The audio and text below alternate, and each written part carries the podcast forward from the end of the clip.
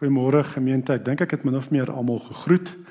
Maar baie welkom uh, by ons erediens vanoggend ook en uh, ja, mag ons werklik deur God versterk word, nê? En ook ervaar dat uh, wanneer ons hom loof en prys en aanbid, dit lei tot ontmoeting tussen ons en die Here. Ja, daar's 'n um, kerk mense wat sê mag, ons mag nie preek oor geld nie. Maar as jy die evangelies lees, dan uh, dan sien mens dat uh, daar meer verse is waar Jesus verwys na geld as verse waar hy verwys na geloof. En hoekom dit so is, dit is waar die tekkie die teer slaan, né? Nee, dis waar ons geloof getoets word as dit by ons finansiële middele kom. En daaroor moet ons ook God se riglyne volg, né? Nee, want ons geloof dat dit baie te doen met ons geloof, ook ons finansies, ons materiële besittings. En ek gaan lees uh, Spreuke 13. Ekskuus, uh, Spreuke 13 vers 20 tot 25.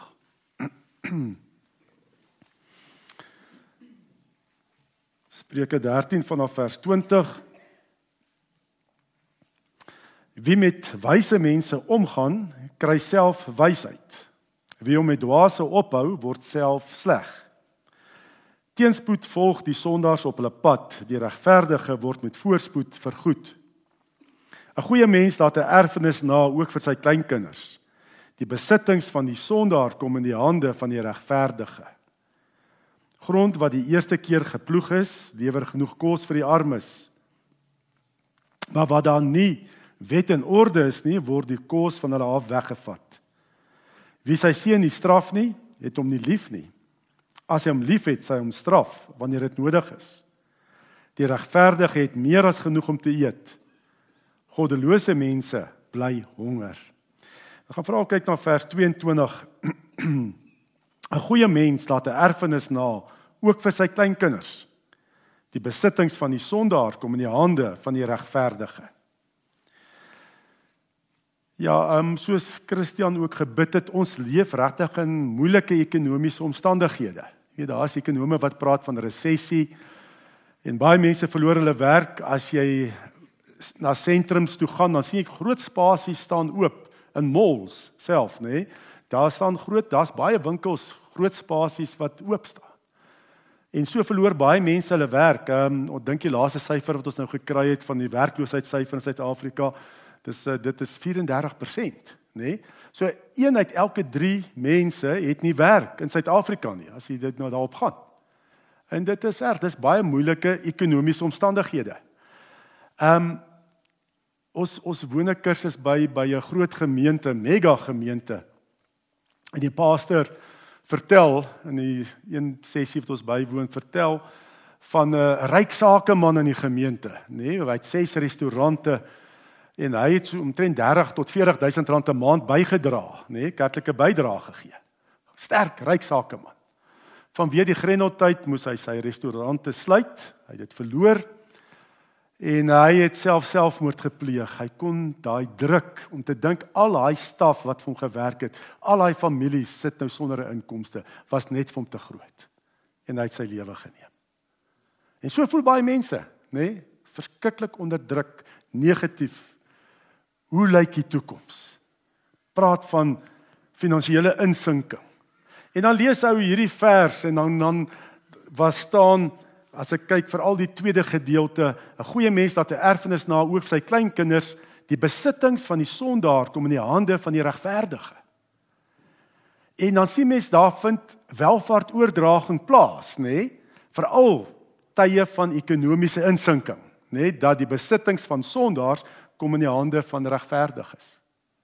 En as Christene lees ons hierdie vers en sê, "Wow, hè, dit dit dit klink goed." Nee, ons gaan ons gaan baie goed kry van die sondaars af. Want ek is mos geregverdig in Christus. So wanneer kom daai welvaart oordraging van die sondaars af?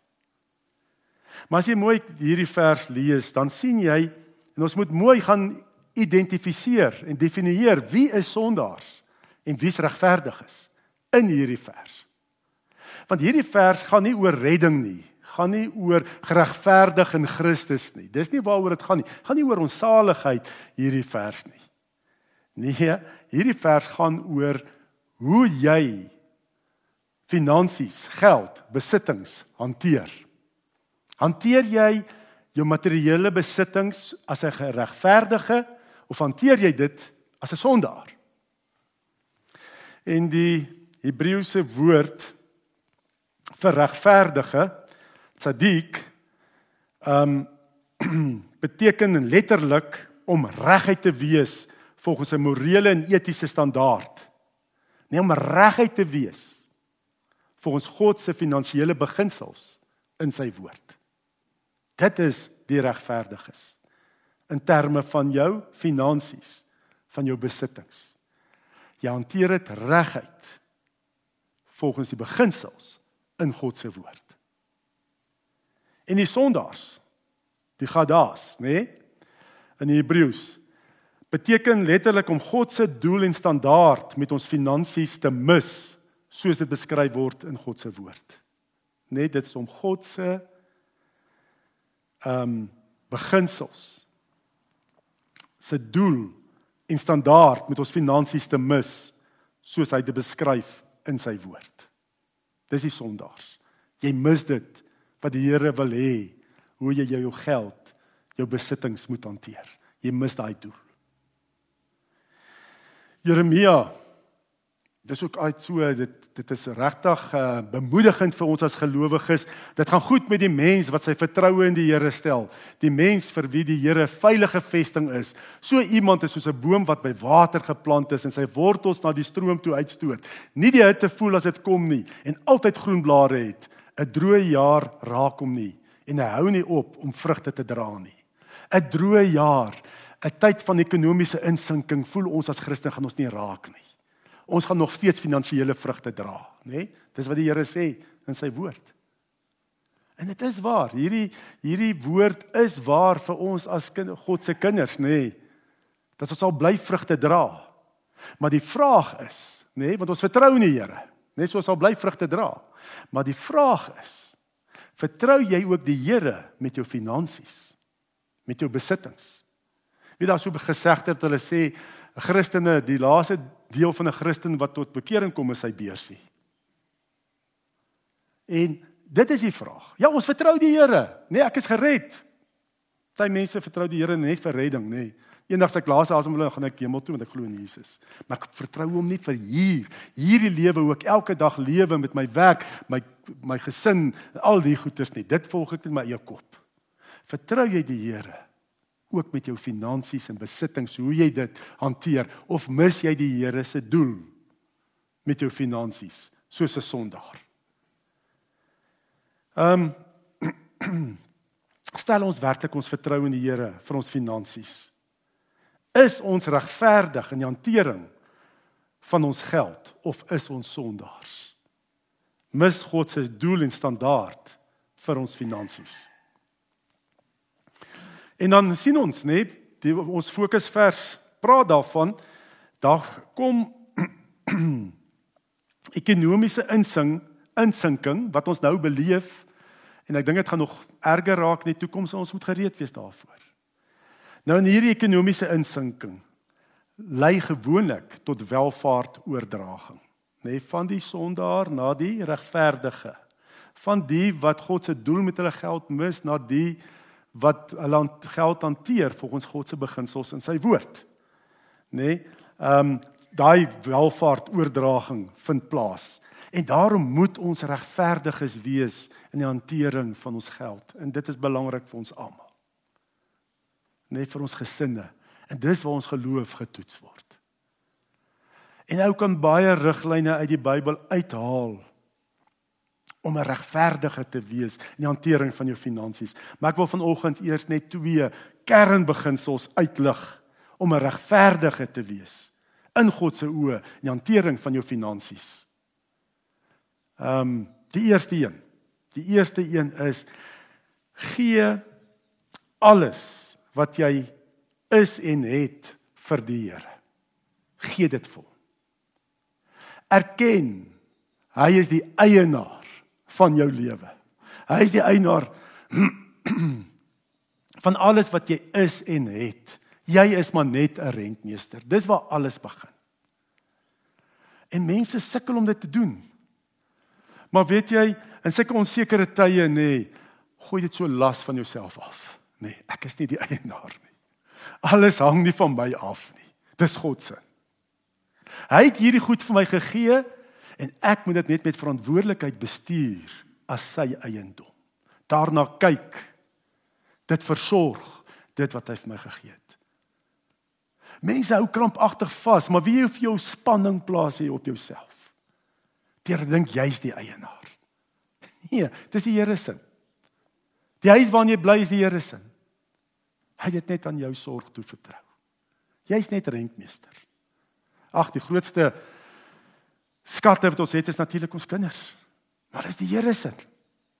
Ons is net rentmeesters om hulle te lei, God se beginsels te leer aan hulle dat hulle ook nê nee, in in in seëning van die Here kan lewe. Dit haal net so groot ding van jouself af. In tye waar mense hulle lewe neem oor die swak ekonomiese omstandighede. Erken, gee alles net vir die Here. Ons is net rentmeesters, nê? Nee. Dit word vir ons so duidelik geleer deur Jesus, veral met die gelykenis. Maar as 'n klomp verse in die Bybel wat vir ons sê, maar veral die gelykenis van die muntstukke, nê, die talente. Wat die eienaar kom en hy gee hierdie vir sy slawe hierdie talente, hierdie muntstukke. Matteus 25 vers 14 tot 30. In Galasiërs skryf Paulus ook en ons sê dit ook maklik saam, nee, ek is saam met Christus gekruisig en nou is dit nie meer ek wat lewe nie, maar Christus wat in my lewe. So ek is dood. Dis nie my goeders hierdie nie. Dis Christus se. Ek is Christus se eiendom. Hy het my duur gekoop met sy bloed. Hy het die hoogste prys. God het die hoogste prys vir jou en my betaal. Hy kon nie 'n hoër prys betaal. Hy's nou my eienaar. Ek is syne. Ehm um, So gee jou besigheid vir die Here. Werk soos vir die Here. Alles wat jy doen, doen dit soos vir die Here, nie meer vir jouself nie. Ek lees selfs van 'n 'n man wat dit regtig so letterlik toegepas het. Hy het alles wat hy besit, net al die titelaktes van sy eiendomme en goederes, net het hy 'n trust gaan stig en dit alles oorgedra na die trust en die trust se naam was behoort aan die Here Jesus Christus.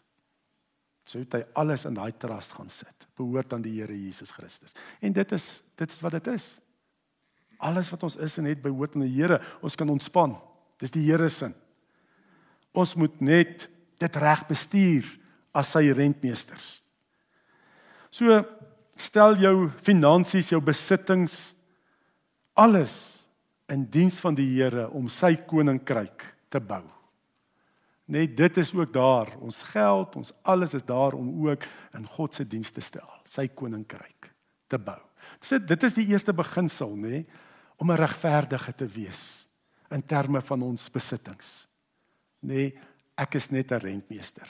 Erken dit, bely dit. God is die eienaar. En dit is ook in God se diens, soos die talente, die muntstukke wat ek so moet gebruik. 'n Tweede kernbeginsel om regverdige uh vir ons te beskryf en 'n definisie te gee en wie sondaars is nie. Lees ons so duidelik in Psalm 37 vers 21. Wat Dawid sê, die goddelose leen en betaal nie terug nie. Die regverdige kry jammer en help. So wie is die goddeloses in terme van ons finansies en besittings nê, die sondaars nê? Die wat leen en nie betaal en nie terugbetaal nie. Wie is die regverdig is? Die wat jammer kry en help, die wat ekstra het, wat nie toegegooi is onder die skuld nie en kan jammer kry en help. Dis die regverdiges in terme van ons finansies. Ehm um, en rykdom oordraging vind plaas van die wat toegegooi is onder skuld, wat leen en nie kan terugbetaal nie. Kom dan in die hande van die wat regverdig is. Die wat nie toegegooi is in skuld nie. Wat die nodige middele het om te kan sien en jammer kry en te kan help. Nee, hulle ontvang die besittings van die wat so in skuld vasgevang is. Dis dis dis hoe dit gebeur. Ehm um, jy kan nie jammer kry en help as jy tot jou bo jou kop toe is onder die skuld nie. Hoe gaan jy jammer kry en help? Jy het niks. Te veel skuld en kan nie terugbetaal nie. En dis die groot probleem van die wêreld, van die lewe. Dis die groot probleem van lande. Ek weet nie ekonome kan seker sê ek weet nie wat is ons land se skuld op hierdie stadium nie. En ek weet nie of ons dit kan terugbetaal nie. Ek weet Amerika is net so in die skuld. Oral, dit is 'n kenmerk van lande. Hulle leen, maar kan nie terugbetaal nie. Gaan net dieper en dieper in skuld. Dis die probleem van maatskappye. Dis die probleem van families. Dis die probleem van individue. Toe onder die skuld en kan nie terugbetaal nie.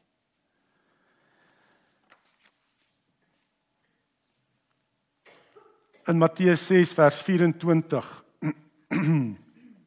sê Jesus jy kan nie twee baase dien nie. Jy kan nie Mammon en die Here dien nie. Nee, jy het nie daar's nie twee baase nie. Jy het nie twee masters nie. Jy kan nie twee masters dien nie. Op die einde, nê, nee, dan dien jy Mammon as jou master.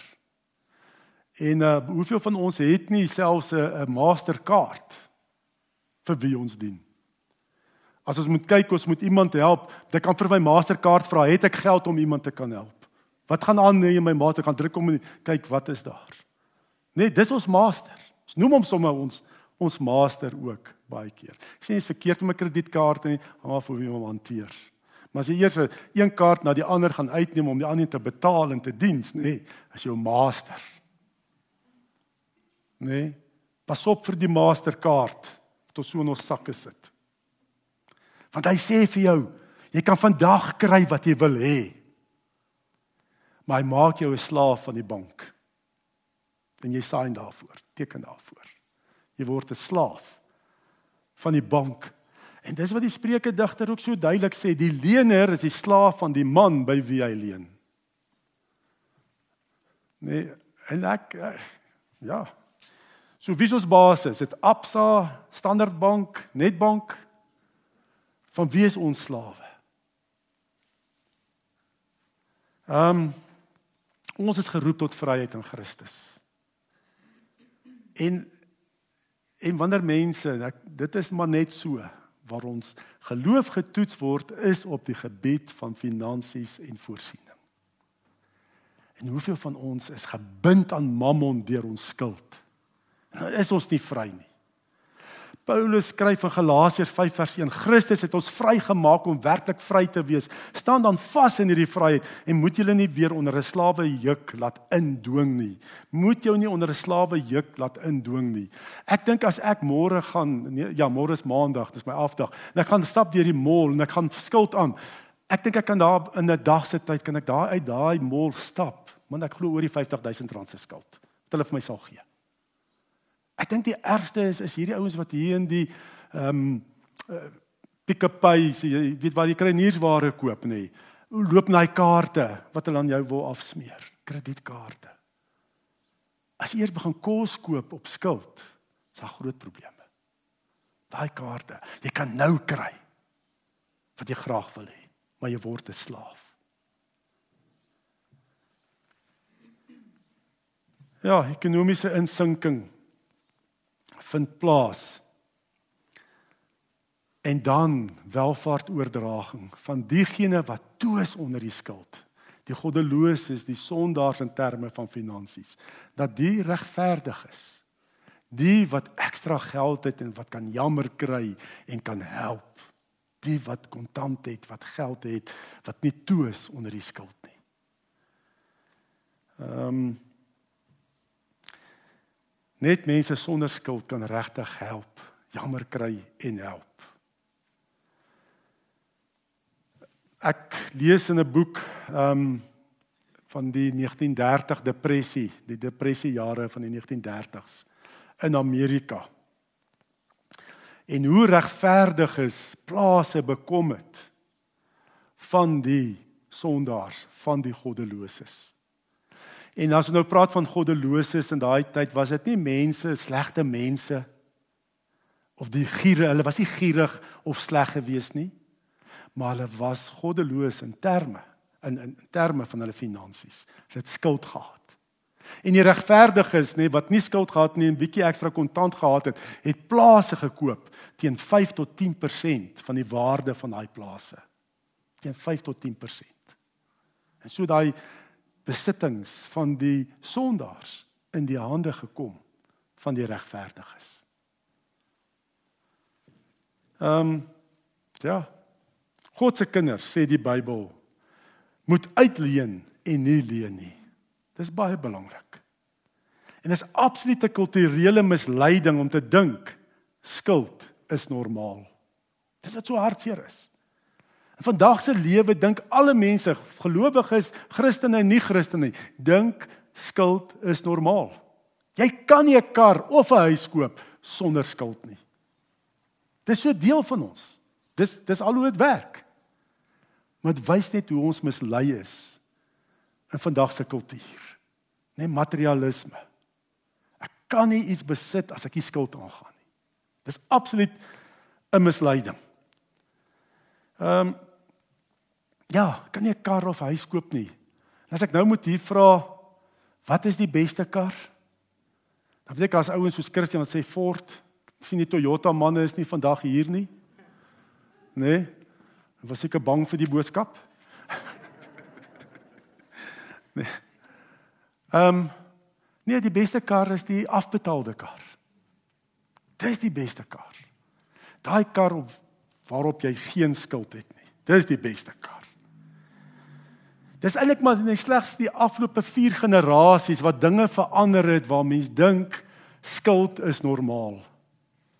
Ons oupas en oupa grootjies nê het skuld daai tyd was skuld absoluut abnormaal. Dit was nie normaal nie. Ag ek sien dit self in my pa se lewe. Nee my pa het 'n huis gebou sonder skuld. My pa het by 'n Mercedes garage gewerk so hy het altyd karre gery. Lekker nuwe Mercedes gery sonder skuld maar dis nou maar deel van sy voordele. Nee, ehm um, dit eintlik nou verander.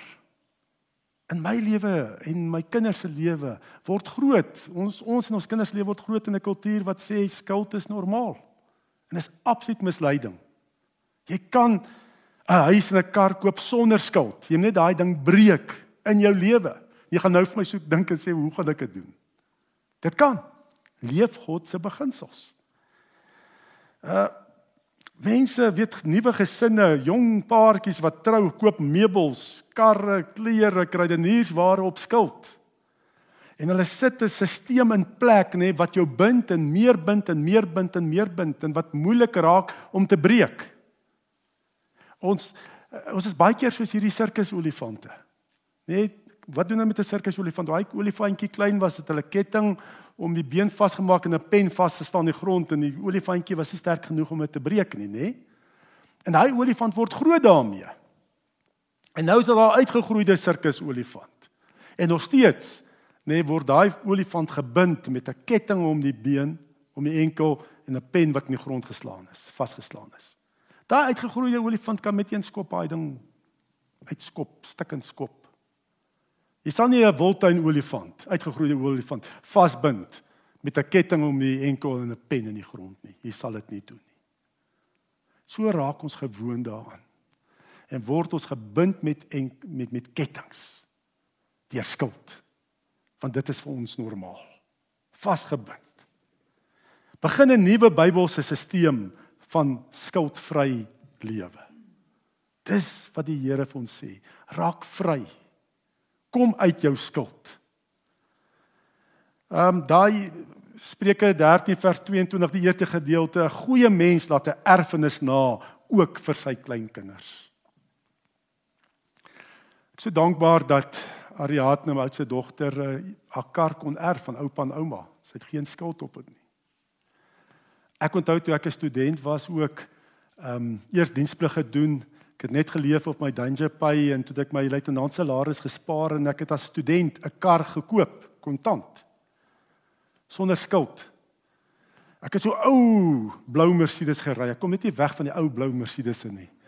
Ehm um, maar daai daai Mercedes het so groot bagasiebak gehad dat my broers voer vir hulle perde aangery het in sy bagasiebak. Dis 'n ou kar gewees as student en ek ry met hom En ek onthou was intervarsity koffsies en pikke te mekaar daar op Pots en ons al die studente is op by Potsdam. En ek en 'n paar studente vriende ry so in die kar, ons gaan daar by Potsdam in. Nou is dit net so gemale ry, is net studente waar jy kyk. Maar toe ek daar inry, maak hulle so pad. Hulle sê maak pad, hierdie oues al lankal ryk. En hulle maak vir pad en ek ry daar deur. kontant. Jy's al lankal ryk. As jy dink kontant koop. Wees 'n regverdige, wees vry ook met jou finansies en besittings. Jy hoef nie skatryk te wees nie. Neem net as 'n regverdige. Nee, ehm um, 'n regverdige, daai natuurlike stappe volgens die God se Bybelse beginsels. As jy in daai rigting begin beweeg om uit jou skuld te kom, daai natuurlike stappe te neem om die skuld af te betaal en so. Neem daai natuurlike stap en sien jy hoe die Here bo-natuurlike dinge kom doen in jou finansies. Want jy's besig om as 'n regverdige te lewe volgens sy Bybelse beginsels vir jou finansies. Ons doen die natuurlike. God kom die bo-natuurlike. Maar neem daai besluit vandag.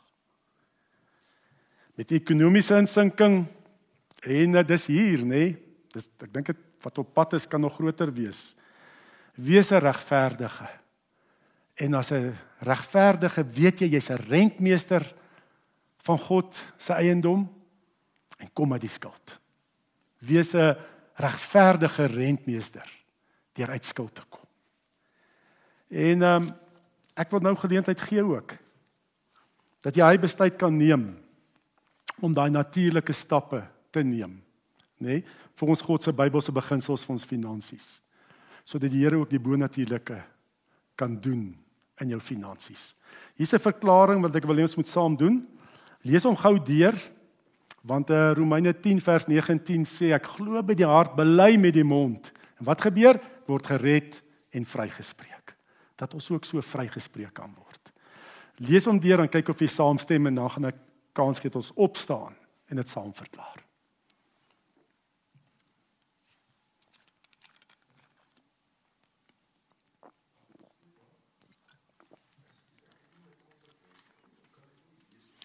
Kyk ek sal dit voorlees ook eers. Here ek verklaar dat alles wat ek besit behoort aan U. U is die eienaar en ek is maar net die rentmeester van alles wat aan wat U aan my sorg toevertrou het. Ek is U rentmeester en nie meer eienaar van alles wat ek is en het nie. Vergewe my dat ek goddeloos opgetree het as U rentmeester met al die skuld wat ek aangegaan het. Ek verbind my daaraan om met u bonatuurlike leiding uit skuld te kom en gaan stappe neem om al my skuld te delg. Maak my regverdige wat jammer kry en help. Amen. Goed. So as jy saamstem, wil ek vra dat jy opstaan en dan verklaar ons dit saam.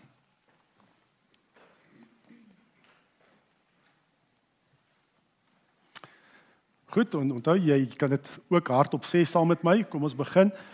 Here, ek verklaar dat ek alles wat ek besit behoort aan U. U is die eienaar en ek is maar net die rentmeester van alles wat U aan my sorg toevertrou het. Ek is U rentmeester en nie meer eienaar van alles wat ek is en het nie. Vergewe my dat ek goddeloos opgetree het as U rentmeester met al die skuld wat ek aangegaan het. Ek verbind my daaraan om met U bonatuurlike leiding uit die skuld te kom en gaan stappe neem om al my skuld te delg.